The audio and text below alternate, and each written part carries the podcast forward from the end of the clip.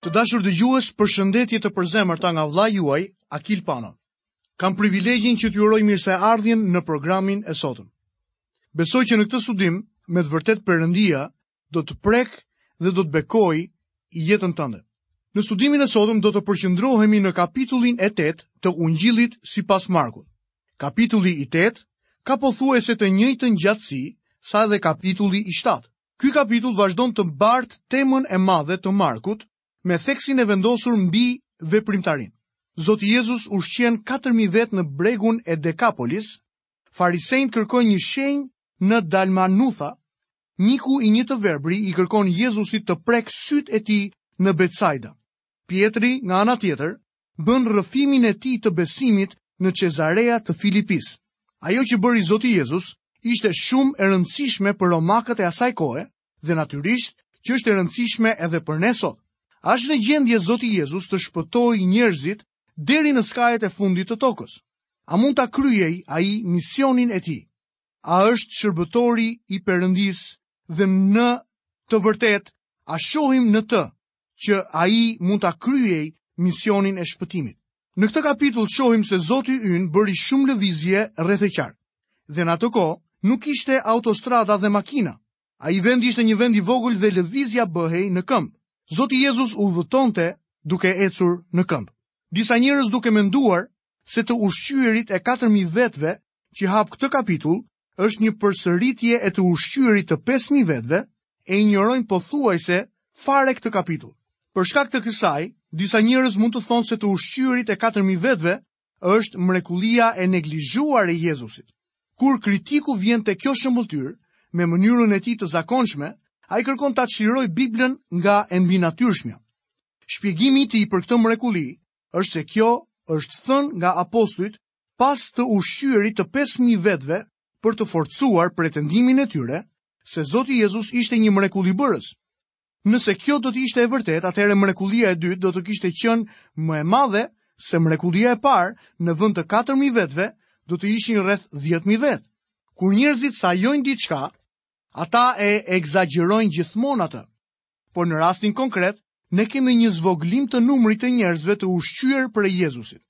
Të dy mrekullitë e të ushqyerit të turmave janë të ngjashme në disa tipare. Zoti Jezus ushqen mijëra njerëz, një herë 5000 dhe herën tjetër 4000, por ka 7 pika të ndryshme, të cilat do të donim t'i sillnim përpara jush. E para, në rastin e parë turmat kishin qenë me Zotin një ditë.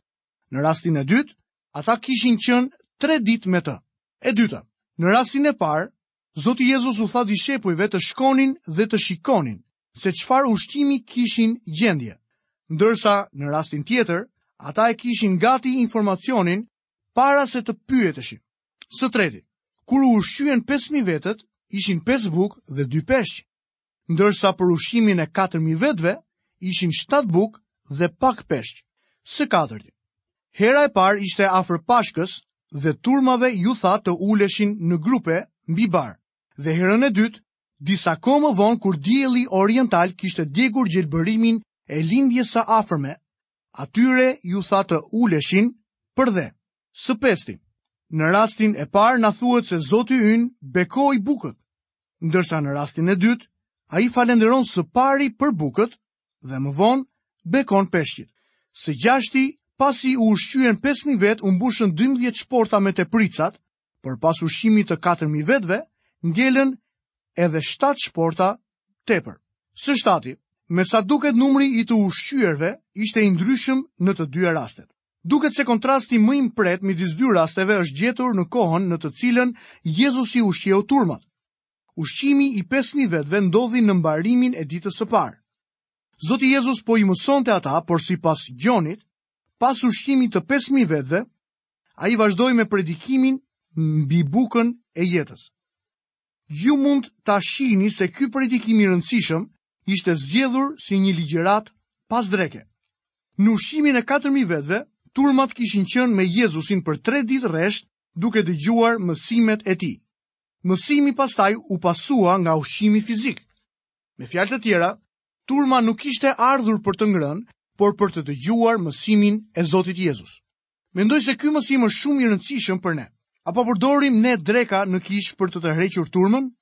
Nëse kjo është e vërtetë, motivi ynë është i gabuar. Shumë kisha mund të mbledhin njerëz në mesjavë vetëm nëse kanë bankete. Disa shkolla biblike përpiqen t'i tërheqin njerëzit tek mesazhi nëpërmjet ushqimit. A i bekon Zoti përpjekje të tilla pavarësisht se sa i pastër është motivi i tyre? Përgjigjen e kësaj pyetje, po ua lë juve. Përfundimi jo gjithmonë i justifikon mjetet. Ndërkohë që ne fillojmë të lexojmë, vini re që shprehja në ato ditë tregon që ngjarja ka ndodhur në kohën kur Zoti Jezus ishte në Dekapol. Duket qartë që turmat e ndoqën Jezusin në një vend të shkretë që ishte i përshtatshëm për mësim por jo i lehtë për të siguruar ushqimin. Turma të mëdha e ndiqnin. Lexojmë në kapitullin e 8 të Ungjillit sipas Markut, nga vargu i parë deri në vargun e 6. Në ato ditë, duke qenë se u mblodh një turmë shumë e madhe dhe s'kishin ç'të hanin, Jezusi i thirri dishepujt e vet dhe u tha atyre: Kam mëshirë për këtë turmë sepse u bënë 3 ditë që po rri me mua dhe nuk ka ç'të hajë. Dhe po t'i nis të pangrënë në shtëpitë e tyre, do të mbeten udhës. Disa prej tyre kanë ardhur që nga larg dhe dishepujt e tij iu përgjigjën. Si do të mund t'i ngopte me bukë këta dikush këtu në shkretëtirë? Dhe ai i pyeti, sa bukë keni? Ata i thanë, shtatë. Atëherë ai e urdhëroi turmën të ulet për tokë dhe mori të shtatë bukët, falënderoi i theu dhe ua dha dishepujve të vet që t'ia shpërndajnë turmës dhe ata ia shpërndanë. Këtu shohim diçka shumë interesante. Duket sikur dishepujt e kanë harruar të ushqyerit e 5000 vetëve. Mendoj se shumë prej nesh sot bëjnë të njëjtën gjë. Perëndia bën shumë gjëra të mira dhe të mëshirshme për ne. Por kur ndodhemi sërish në situata të tilla, harrojmë çfarë Zoti ynë ka bërë. Kur papritur dikush gjendet duke u ngritur përpara nesh, gjithçka na duket krejt e re. Kështu ka qenë eksperienca ime kur bëja rreze në mushkëri për të parë nëse kanceri ishte përhapur apo jo. Dhe çdo herë është një eksperiencë e re për mua dhe duhet të pohoj se çdo herë jam i frikësuar. Kështu që unë kam me të vërtetë simpati për këta dishepuj. Ata i kishin bërë një inventar turmës, sepse e dinin se sa bukë ishin. Ndoshta ata po prisnin që Jezusi të përsëriste mrekullinë e të 5.000 njerëzve. Kësaj here kishte më shumë bukë për më pak njerëz. Por çfarë ishin këto për një turmë kaq të madhe? Ne nuk e dimë se kush i kishte bukët. Ato i kishte një person i panjohur, i cili pa dyshim do të marrë shpërblimin e tij një ditë. Në këtë rast, ata u ulën mbi tokë, ndërkohë që tek mrekullia e ushqimit të pesë mijëve, ata ishin ulur mbi bar. Por sa peshq kishin ata? Thuhet vetëm ca peshq të vegjël. Në të vërtetë numri i tyre ishte i parëndësishëm dhe Zoti Jezus nuk po i numëron peshqit. Ju do të vini re se kur Zoti është, do të ketë gjithmonë tepricë. Edhe nëse ushqen pesë apo katër mijë vetë, ai nuk do t'u japë atyre vetëm një pjesë të vogël ushqimi, por një drekë të plotë dhe të bollshme. Nëse çdo burri do t'i shtonim një grua dhe një fëmijë, ne do të kishim numrin real të njerëzve që u ushqyen atë ditë prej tij, rreth 12.000 persona. Lexojmë vargun e dhjetë.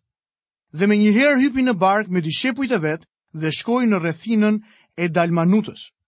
Vendodhja e Dalmanutës nuk mund të vërtetohet saktësisht, me sa duket, ishte në bregun e detit të Galilesë dhe ata duhet të kapërcenin detin për të arritur atje, gjë e cila do të thotë që ata erdhën në anën perëndimore. Ata udhëtuan me varkë dhe vendi, me sa duket, ka qenë diku në bregun veriperëndimor. Armiq që e urrenin janë sërish në rrugën e tij. Lexojmë në kapitullin e 8 të Markut, vargun 11 deri 15.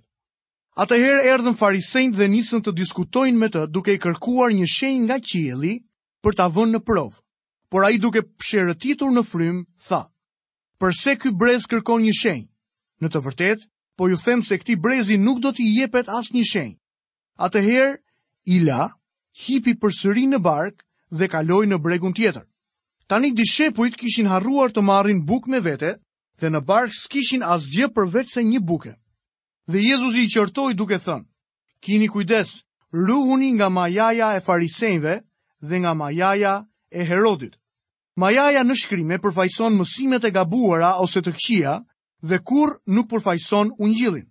Një nga gjërat më të gabuara që thuhet sot është se Majaja përfaqëson ungjillin në shëmbëlltyrën e gruas që zuri brumin me tre masa miell. Ungjilli simbolizon miellin dhe Majaja që simbolizon mësimet e gabuara u hodh në të. Ky është procesi i bërjes së diçkaje të shijshme për njeriun normal. Çfarë është në fakt liberalizmi? E gjithë kjo u krijua nga përpjekja për të kënaqur anëtarët e pashpëtuar të kishës. Edhe sot kemi plot njerëz që përpiqen të kënaqin bashkësinë dhe kur ata janë të pashpëtuar. Unë mund të them se pikërisht kjo është futja e majas. Kjo do të thotë të bashkosh mësimet e gabuara me të vërtetën e ungjillit. Lloji i vetëm i bukës që ata do të hanë është ajo që ka maja brenda, sepse majaja e bën bukën të shijshme. Unë jam rritur duke ngrënë biskota dhe njerëzve u pëlqejnë ato. Majaja është e keqja që ato kanë brenda. Dhe kështu, ai po i paralajmëron për mësimet e gabuara të farisenjve dhe Herodit. Lexojmë vargun e 18. Keni sy dhe nuk shihni, keni vesh dhe nuk dëgjoni, dhe nuk po mbani mend? Unë kam qenë predikues për një kohë të gjatë. Dhe ndonjëherë zbuloj gjëra që më befasojnë. Ka persona për të cilët mendoj se e njohin të vërtetën shpirtërore, por kanë humbur gjithë qëllimin e tyre. Ata nuk arrijnë ta kuptojnë dhe dikush mund të habitet me pozitën ku ata kanë qenë. Ka njerëz që kanë studiuar Biblën për vite të tëra dhe ndodhen në një situatë të tillë. Ata janë si këta apostuj që kanë vesh, por nuk dëgjojnë. Lexojmë më poshtë vargjet 19 deri 21. Kur ndava të pesë bukët për të pesë mijtë, sa kosha plot me copa mblodhët? Ata thanë, 12. Po kur theva të shtatë bukët për të katër mijtë, sa shporta plot me bukë mblodhët? Dhe ata thanë, shtatë. Dhe ai u tha atyre, po si ende nuk po kuptoni? Fjala e Zotit është buka e jetës, sepse ajo na e zbulon atë. Ne jemi ushqyer me Biblën dhe duhet të ruhemi nga mësimet e rreme. Mendoj se kjo duhet të jetë e qartë për ne në mësimet që Zoti Jezus jep. Lexojmë vargun e 22. Pastaj arriti në Betsajda dhe i prunë një të verbër e iu lutën që ta prekte. Këtu jepet një tjetër nga mrekullitë e Zotit tonë.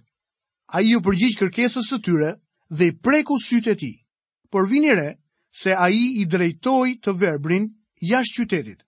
A u bë Betsaida vendi ku Zoti Jezus kishte kryer shumë nga mrekullitë e tij, si Nazareti ku ai nuk mund të kryente më mrekulli? Sigurisht që pështyma nuk ka vlera mjekësore, por Zoti e përdori atë për të rritur besimin e këtij njeriu. Le ta lexojmë këtë dhe të mësojmë të vërtetën shpirtërore. Lexojmë nga vargu 23 deri në vargun e 26. Atëherë e mori për dore të verbrin, e nxorri jashtë fshatit dhe pasi i pështyu në sy dhe vuri duart mbi të, e pyeti nëse shikte gjë. Dhe ai duke hapur sytë tha: "Po shoh njerëz si pemë që ecin." Atëherë Jezusi i vuri përsëri duart mbi sytë dhe e bëri të shikojë lart. dhe atij iu kthye të parit dhe shikonte qartë gjithçka. Tashmë mbi këtë vend të Betsajdës ishte shpallur një gjykim. Ka diçka në këtë mrekulli që duhet ta shohim me shumë kujdes. Pse Zoti Jezus përdor këtë metodë? A nuk mund t'i hapte ai sytë e këtij njeriu, ashtu siç kishte bërë në raste të tjera? Patjetër që mundej. Zoti Jezus mund të kishte bërë që në fillim që ky njeri të shihte qartësisht. por kështu ishte një mësim për atë njeri dhe për ne gjithashtu. Në këtë rast, kemi tre etapa. Etapa e parë është verbëria. Ne të gjithë jemi të verbër shpirtërisht. Njëlloj si njeriu i verbër ne mund të themi. Dikur isha i verbër, por tani shoh. Por mund të vini re se ai fitoi vetëm një shikim të pjesshëm dhe Marku është i vetmi që na e thotë këtë gjë. Së dyti, shikimi i pjesshëm. A nuk është kjo gjendja jonë sot? Çfarë apostulli Pal na tregon tek letra e parë e Korintasve, kapitulli i 13 dhe vargu i 12. Dëgjojeni, tani në fakt ne shohim si në pasqyrë në mënyrë të errët, por atëherë do të shohim faqe për faqe, tashti njoh pjesërisht, kurse atëherë do të njoh thellë ashtu sikurse edhe njihem. Ndonjëherë marr letra nga disa persona të cilët më lënë të kuptoj se kanë mbretësi të madhe shpirtërore. Ata janë në majat më të larta dhe ndonjëherë mendoj se edhe unë jam aty. Por dua t'ju pohoj diçka. Unë shoh vetëm përmes një xhami të errët. Ka shumë gjëra të cilat nuk i kuptoj. Ka disa njerëz që nuk mendojnë në të njëjtën mënyrë. Ata mendojnë se njohin të gjitha gjërat që duhet të dihen. Kjo ka qenë një nga pengesat për disa nga mësimet tona biblike në kishë. Unë kam qenë pastor për shumë vite. Kam pasur anëtarë të cilët nuk u lodhën kurrë për të ardhur në studimet biblike të mesjavës. Dhe a e dini pse? Ata tashmë dinin më shumë sesa unë. Ndoshta kjo mund të jetë e vërtetë, por fakti tragjik ishte se ata mendonin se dinin më shumë sesa dinin në të vërtetë. Sokrati në ditët e tij shpalli se ishte njeriu më i zgjuar në Athinë. Kjo i shokoi të gjithë, sepse ai ishte një njeri shumë i përulur. Kështu që një ditë e pyetën se çfarë donte të thoshte me këtë. Dhe ai iu përgjigj. Ka shumë athinas të cilët mendojnë se dinë, por unë e di që unë nuk di. Fakti që unë e di që unë nuk di, tregon që unë jam njeriu më i zgjuar i Athinës. Mund t'ju them se ka shumë shenjtorë sot që mendojnë se dinë.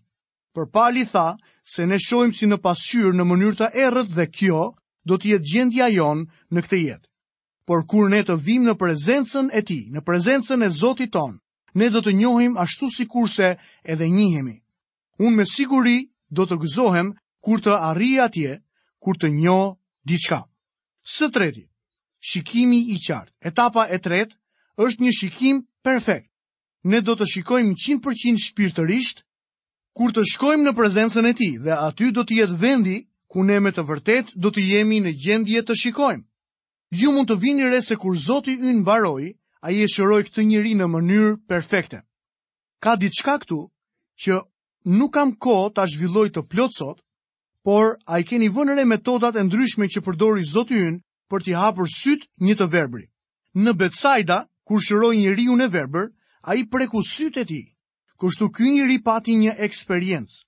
Në imagjinatën time, ky njeri ndoshta mund të kishte organizuar kishën dhe të këndonin, prekja e duarve të tij mbi të miat. Kur Zoti Jezus shëroi Bartolomeun e verbër, ai nuk e preku fare, por i foli prej së largu, dhe vetëm besimi hapi sytë e tij. Në këtë rast kisha do të këndonte, vetëm beso. Ndërsa njeriut që ishte i verbër që nga lindja, i tha të shkonte dhe të lahej në pellgun e Siloamit. Ky njeri do të organizonte kishën dhe ata do të këndonin. Le të mblidhemi tek lumi. Ju mund të thoni që kjo është absurde dhe sigurisht që është. mund të ishte absurde për ato ditë, por sot është saktësisht çfarë është duke ndodhur. Mund t'ju them me siguri se në këto vargje gjejmë një mësim fantastik për ne. Lexojmë vargun e 27. Pastaj Zoti Jezus shkoi bashkë me dishepujt e vet nëpër fshatrat e Cezaresë së Filipit dhe gjatë rrugës i pyeti dishepujt e vet duke u thënë atyre: Kush thonë njerëzit se jam unë? Pyetja më e rëndësishme është kush është Jezusi? Zoti Jezus donte të dinte vlerësimin e njerëzve për të. Miqtë mi, ka vetëm një mënyrë për të qenë bashkë me Zotin Jezus, duke iu afruar atij. Kjo është më e rëndësishmja. Ne duhet të kënaqemi në një marrëdhënie të drejtë me Jezu Krishtin. Nëse shihni në një hartë, do të gjeni tre Cezarea. Cezarea e Filipit, ndodhet në veri të detit të Galilesë. Zoti Jezus është në veri dhe ndodhet në një pozicion nga i cili do të fillojë lëvizjen drejt Jeruzalemit dhe kryqit. Lexojmë vargun e 28. Ata u përgjigjën, disa Gjon Pagëzori, të tjerë Elia dhe të tjerë një nga profetët. Kishte shumë konfuzion për sa i përket personit të tij. Të gjithë e vlerësuan, por të gjithë dështuan në çështjen se kush Jezusi ishte. Lexojmë poshtë vargun e 29. Dhe ai u tha atyre: Po ju, kush thoni se jam? Dhe Pjetri duke iu përgjigjur i tha: Ti je Krishti. Kjo ishte përgjigjja e tyre përfundimtare për fazën e parë të shërbesës së Zotit tonë dhe ishte 6 muaj përpara kryqëzimit. Ishte gjëja më e mirë që Pjetri kishte thënë ndonjëherë. Ai foli në emër të grupit. Marku na jep vetëm një pjesë të pohimit. Krishti nuk është një emër, Jezus është emri i tij. Krishti është një titull. Në hebraisht përdoret fjala Mesia, që do të thotë i vajosuri. Ky titull përmbledh të gjitha kuptimet e Testamentit të Vjetër. Kjo është një pjesë e përmbushjes së profecive të shkruara për të. Zoti Jezus erdhi të zbulojë para hebrenjve të kohës dhe të gjithë botës, Perëndinë e vërtetë. Le të lexojmë më poshtë vargun e 30. Atëherë ai i urdhëroi rreptësisht që të mos i tregojnë askujt për të. Pse duhej ky qortim i çuditshëm? Ata duhet të prisnin derisa të përmbushej historia e ungjillit. Vini re se çfarë thuhet në vargun tjetër. Lexojmë vargun e 31. Pastaj nisi t'u mësojë atyre se birit të njeriut i duhet të vuajë shumë gjëra. Do të hidhet poshtë nga pleqtë, nga krerët e priftërinjve dhe nga skribët, se do të vritet dhe pas tri ditësh do të ringjallet. Jezusi nuk e zbuloi personin e tij të ndarë nga puna e tij e shpengimit. Shpëtimi varet nga kush Zoti Jezus ishte dhe çfarë ai bëri. Faza e parë e përgatitjes së tyre fillon pikërisht këtu. Në Cezarea të Filipisë, Zoti Jezus u zbuloi atyre për herë të parë kryqin. Të dashur dëgjues, këtu kemi mbërritur dhe në fundin e programit të sotëm. Me keqardhje ju them se më duhet që ta mbyllim për efekt kohe studimin në vargun e 31 të kapitullit të 8 të Ungjillit sipas Markut. Ju kujtoj dhe ju inkurajoj në të njëjtën kohë që të jeni pjesë e studimit të ardhshëm, të cilin do ta filloj menjëherë në vargun e 32 të kapitullit të 8 të Ungjillit të Markut. Deri atëherë, Zoti ynë Jezu Krisht derdhtë bekimin dhe paqen e tij me mbushulli në jetën tuaj.